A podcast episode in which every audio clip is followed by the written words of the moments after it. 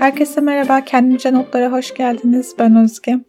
Bu haftanın konusu German Shepherd, yani Türkçesi Alman çoban köpeği ya da Alman kurdu olarak da geçiyor. Bu konuya nereden geldim? Geçtiğimiz hafta bir iş arkadaşımı ziyaret ettim sırf köpeğini görebilmek için. Kendisinin 16 aylık bir German Shepherd yani bir Alman çoban köpeği var ve bir yıldır köpeğe sahip ya yanlış hatırlamıyorsam ama benim bir türlü yakından görme fırsatım olmamıştı.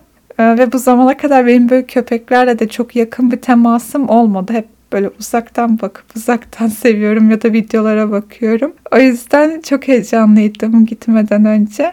Ee, ve hani ne beklemem gerektiğini de bilmiyordum. Ee, içeri girdiğim zaman ilk e, köpeğin çok büyük olduğunu fark ettim. Yani büyük olduğu olacağını biliyordum ama tahmin ettiğimden daha da büyük oldu köpek. Büyüktü yani köpek. Girdiğim zaman zaten ben yani o kadar büyük olunca ben birazcık kendimi huzursuz hissettim. Köpek de zaten eve yabancı biri girdiği için huzursuzdu. Böyle ikimiz de huzursuz bir şekilde mükemmel bir başlangıç yaptık. Tabii önce yanıma yaklaşıp bir kokumu falan almaya çalıştı, tanımaya çalıştı sanırım. Ondan sonra ben kanepeye oturdum ve köpek işte tekrar yanıma yaklaşmaya başladı. Ve ondan sonra böyle patilerini üstüme koydu. Ben hani orada kalacak sandım yani ya da böyle işte kedi gibi birazcık kafasını koyacak. Ben de okşarım diye düşündüm. Ama öyle olmadı. Köpek böyle başta patisini dizime koydu. Ondan sonra omuzlarıma doğru çıkmaya başladı ve bir anda köpek üstüme çullanıyormuş gibi hissettim. Ve sahibi hemen zaten gelip köpeği geri çekti. Ve orada bir köpekle iletişimde ilk hatamı yapmış oldum. Yani bana öyle söyledi sahibi. Normalde köpek geldiği zaman ona sınırımı belli etmem gerekiyormuş. Yani yaklaştığı zaman hemen ona üstüme çıkmaya çalıştığı zaman hemen yüksek bir sesle hayır yapma diye geri itmem gerekiyormuş. Ben ama sakin sakin köpeğe kelimelerle anlatmaya çalışıyorum hep derdimi. Tabii ki köpek de beni hiçbir şekilde kale almadı. Söylediğim hiçbir şeyi dinlemedi, yapmadı. Bunu da yeni öğrenmiş oldum. Yani köpekle konuştuğum zaman ne kelime söylediğimden ziyade o kelimeyi hangi tonla nasıl söylediğimin önemi varmış. Bunu öğrenmiş oldum. Ama sonuçta ben köpek için zayıf ve güçsüz bir karakter karakter olarak tanınmış oldum. Köpek beni ciddiye almadı hiçbir şekilde. Ama sorun değil zaten hani kaç defa göreceğim ki. Ama benim için ilginç bir tecrübe oldu. Ondan sonra eve dönünce daha çok böyle köpeklerle ilgili araştırma yapma gereği duydum. Çünkü fark ettim ki köpeklerle ilgili hiçbir bilgim yok böyle videolara bakarken ondan sonra bir e, Netflix dizisi buldum. Aslında bugün sizinle daha çok onun hakkında konuşmak istiyorum. Gunter'ın Milyonları, Gunter's Millions diye Amerikan yapımı bir mini dizi. Dört bölümden oluşuyor. Ve dizinin konusu tanıtımlarında hep şöyle geçiyor. Dünyanın en zengin köpeği. Bir German Shepherd. Büyük ihtimalle zaten onu German Shepherd araştırdığım için karşıma o çıktı. Dizi 2023 yapımı. Yani yeni bir dizi.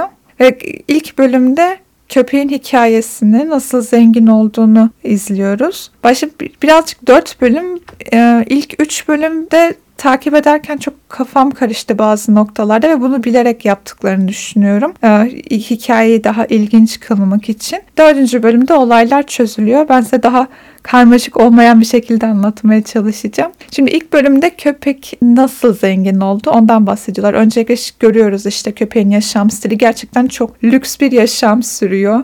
İşte e, özel biftekler, havyarlar, lüks yatlarla seyahatler, Miami'de ev böyle mükemmel bir hayatı var köpeğin. Ve hikaye şöyle. İtalya'da bir kontes var. Bu aslında Alman bir kontes. Adı Carlotta Liebenstein ve bu kadının bir de oğlu var.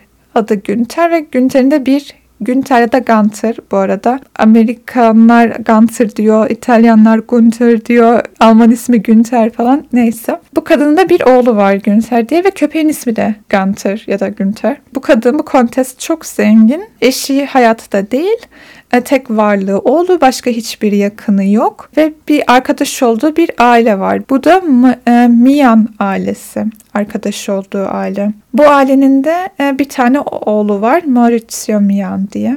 Kontes'in yalnız oğlu e, ağır bir depresyonda ve 26 yaşında intihar ediyor. Bu yüzden Kontes'in hayatında kalan tek kişi ya da tek varlık köpeği e, Gunther. Ve Kontes öldükten sonra bütün mal varlığını bu köpeğe miras bırakıyor. Ve mirasında belirttiği üzere köpekle e, bir kişi ilgilenecek. Bu işte miras mirasın tabii yasal olarak kullanılabilmesi için vesaire ya da köpeğe bakılabilmesi için. Bu kişi de e, aile dostunun oğlu e, Maurizio Mian oluyor. Bu şekilde Maurizio büyük bir mirasın sahibi olmuş oluyor. Köpekle ilgileniyor ve yapılan bütün çeşitli yatırımlarla bu miras daha da artırılıyor. Mal varlığı artırılıyor. Ve ne yapılırsa köpeği, köpeğin hoşuna gidecek şekilde yapıldığı söyleniyor. Ya da her şeyin köpek için yapıldığı söyleniyor. Birinci bölüm genellikle bu şekilde gidiyor. Ama birazcık bazı şeyler oturmuyor kafanızda yani.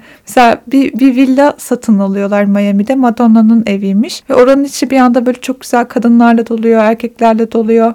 Hani köpek köpek için ne faydası var diye düşünüyoruz ikinci, üçüncü bölümde de bu konulara biraz değiniyor. Neden bu kadar güzel kadınlar ve erkekler bu evin içine doluşturulmuş diye. Maurizio Mia'nın burada onunla da röportaj yapıyorlardı bu belgesel boyunca. Onun anlattığına göre Kontes'in vasiyetinden biri de mutluluğun formülünü aramak kısaca. Yani oğlu depresyondan ızdırap çekip intihar ediyor. Her şeyi olmasına rağmen bir insan e, neden mutsuz olur? Bir insan her şeye sahip olduğu zaman mutlu olabilir mi? Gibi sorular. Bu yüzden de Maurizio sosyal bir deney yapıyor kendince. Böyle çok fiziği çok güzel insanları bir araya topluyor. Onlara çok zengin bir yaşam sürüyor. Bu işte Madonna'dan aldığı villanın içinde bu insanlar yaş beraber yaşamaya başlıyor ve aslında onların davranışlarını gözlemliyorlar. Tabii ki burada hani bir insanı insan kafasında soru işareti oluyor. Mutluluk sadece bu maddi zenginlikle mi bağlantılı? Yani o yüzden yaptıkları çalışma ne kadar objektif, ne kadar fayda sağlayan bir çalışma bilemiyorum. Ve tabii bu çalışmalar, bu olaylar medyada yankılanıyor, çok hoş görülmüyor. Çünkü Maurizio'nun benim aldığım bakış açısına göre hani her şey serbest olmalı hayatlarında. Bu bir arada yaşayan insanlar beraber serbest bir şekilde seks de yapıyor ve bu özellikle bu konu tepki çekiyor. E, evin içinde seks partileri düzenleniyor vesaire vesaire diye basında yer alıyor. Ve bir yerden sonra bu Gunter köpek hikayesinin aslında çok da gerçek olmadığını anlamaya başlıyoruz. Normalde hikayenin başında bir kontesin e, mal varlığı köpeğe miras kalıyor demiştim. Burada öğreniyoruz ki aslında e, bu miras kontese ait değil. Bu mal varlığı e, Maurizio'nun ailesine ait aslında. Onların bir ilaç firması var. Çok para kazanmışlar ama vergi ödemek istemiyorlar İtalya'da. Bu yüzden bir e, kaçış yolu olarak da mirası kontesin üzerine yapıp ondan da köpeğe aktarıp vergi kaçakçılığı yapmış olacaklar aslında. Bunu öğrenmeye başlıyoruz. E, ve daha sonra parça parça bu hikayelerin de aslında eksik olduğunu öğreniyoruz. Çünkü en sonunda öğreniyoruz ki aslında kontes de yok ortada. Ee, sadece bir kadın var. Ee, kontes olmayan yine ama bu vergi işleriyle ilgilenen Alman bir kadın. Ama hani köpek ona ait değil. Köpek aslında Maurizio'nun kız arkadaşına ait ve ortada kontesin oğlu da yok bu arada pardon söylemeyi unuttum. Orada kontesin oğlu da yok. Maurizio bunları kendisi uyduruyor bir şekilde. Çünkü aslında gerçekten depresyon geçiren kişi kendisi ve bu şekilde kontesin oğlu da onun kendi yansıması. Yani bütün e, hikayeyi, kendi yaşamak istediklerini ya da aradığı soruları bu yarattığı karaktere yüklüyor. Bu Gunter isimli gence yüklüyor. Özetle hikayenin aslı yani belgeselde anlatıldığına göre aslında kontes hiç yok. Aileye vergi konularında yardımcı olan bu vergi kaçakçılığını yapmalarını sağlayan Alman bir kadın var ama köpek ona ait değil. Köpek Maurizio'nun eski kız arkadaşına ait ve bütün bu vergi, köpek hikayesi vesaire Maurizio'nun kendisinin kurduğu bir plan. Ve kafama takılan bir soru işareti de mesela bu belgeselde açık açık söylüyor artık adam hikayenin gerçek olmadığını, bütün bu yaptıklarının aslında vergi ödemek istemedikleri için yapıldığını itiraf ediyor yani vergi kaçakçılığı yaptığını. Birazcık baktım böyle internette bir bilgi var mı diye ama bulamadım yani ona bir yaptırımı olmuş mu diye sonrasında devlet tarafından. Hiç ona dair bir şey görmedim. Yani herhalde şu an yaşamaya devam ediyorlar hayatlarını güllük gülistanlık bir şekilde. Bu arada e, köpek de artık aynı köpek değil yani. Başladığı zaman bu hikaye e, kız arkadaşının köpeği 3. kanser olarak geçiyor. Sonra o köpekten kendisinin köpeği oluyor. köpek zaten kısa bir süre sonra hastaymış ölüyor. E, kendisinde dördüncü kanser var ve şu anda altıncı köpek. Özellikle bu köpeğin e, soyunun devam edebilmesi için e, bir şirket, bir kurum kuruyorlar ve bu özellikle bu cins köpeği çoğaltan bir kişiyle anlaşıyorlar. Ama daha sonradan açığa çıkıyor ki bu kişi Ganter'den bir sürü yavru köpek oluşturuyor ama onlara hiç iyi bakmıyor. Sonra hatta polis e, müdahale ediyor. Bu köpekler daha sonra başka ailelere evlat veriliyor. Yani hoş olmayan bir durum. Belgeselin sonunda anlattıklarına göre tabii ne kadar doğru bilemiyorum belgeselde ne kadar tarafsız bir şekilde çekildi ama bu işte Gunter Vakfı e, şimdi bir ada almış ve o adada köpeklerin rahatça, özgürce dolaşabilecekleri bir ortam oluşturmayı planlıyorlar. Bu da böyle bir bilgi.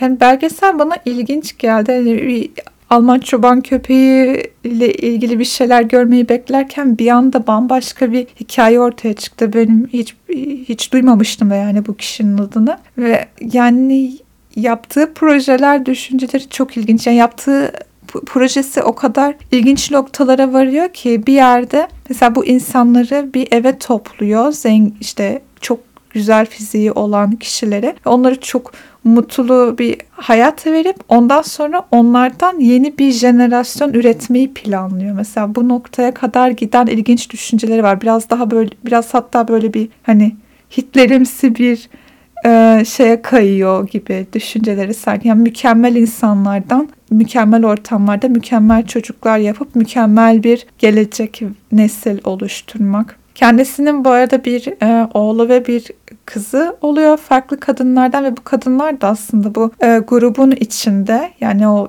ev bir villanın içinde birlikte yaşayan insanlardan ve kendisinin hiçbir şeyi de yok böyle hani kıskançlık gösterme gibi bir durumu da yok. E, çok ilginç geldi yani çok farklı bir e, bakış açısı hayata, çok farklı bir mutluluk arayış yöntemi. Yani bütün bunları yapıyor ama her şeyi bir e, sanki bilimsel bir araştırmaymış gibi kafasında kurarak gözlemliyor. Kendisi bu mutluluğu gerçekten yaşıyor mu hayatın içinde? Sanmıyorum zaten çok mutlu da görünmüyor bunları anlatırken. Bana İlk bölümde çok böyle neredeyse bırakacaktım izlemeyi. Sonra nedense devam ettim ve arkasından böyle çok farklı bir hikaye çıktı. O yüzden benim için ilginç bir belgeseldi. Size de anlatmak istedim.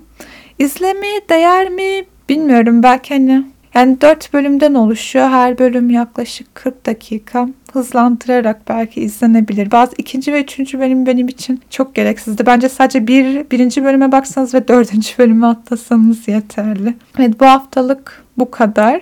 Alman çoban köpeği ile ilgili daha fazla bilgi vermek isterdim ama e, Gunter'a takıldım. Önümüzdeki zamanlarda daha detaylı araştırabilirsem bu sefer gerçekten köpek ile ilgili bilgiler vermek için mikrofonun karşısına geçerim diye umuyorum. Buraya kadar beni dinlediğiniz için teşekkür ederim. Hoşçakalın.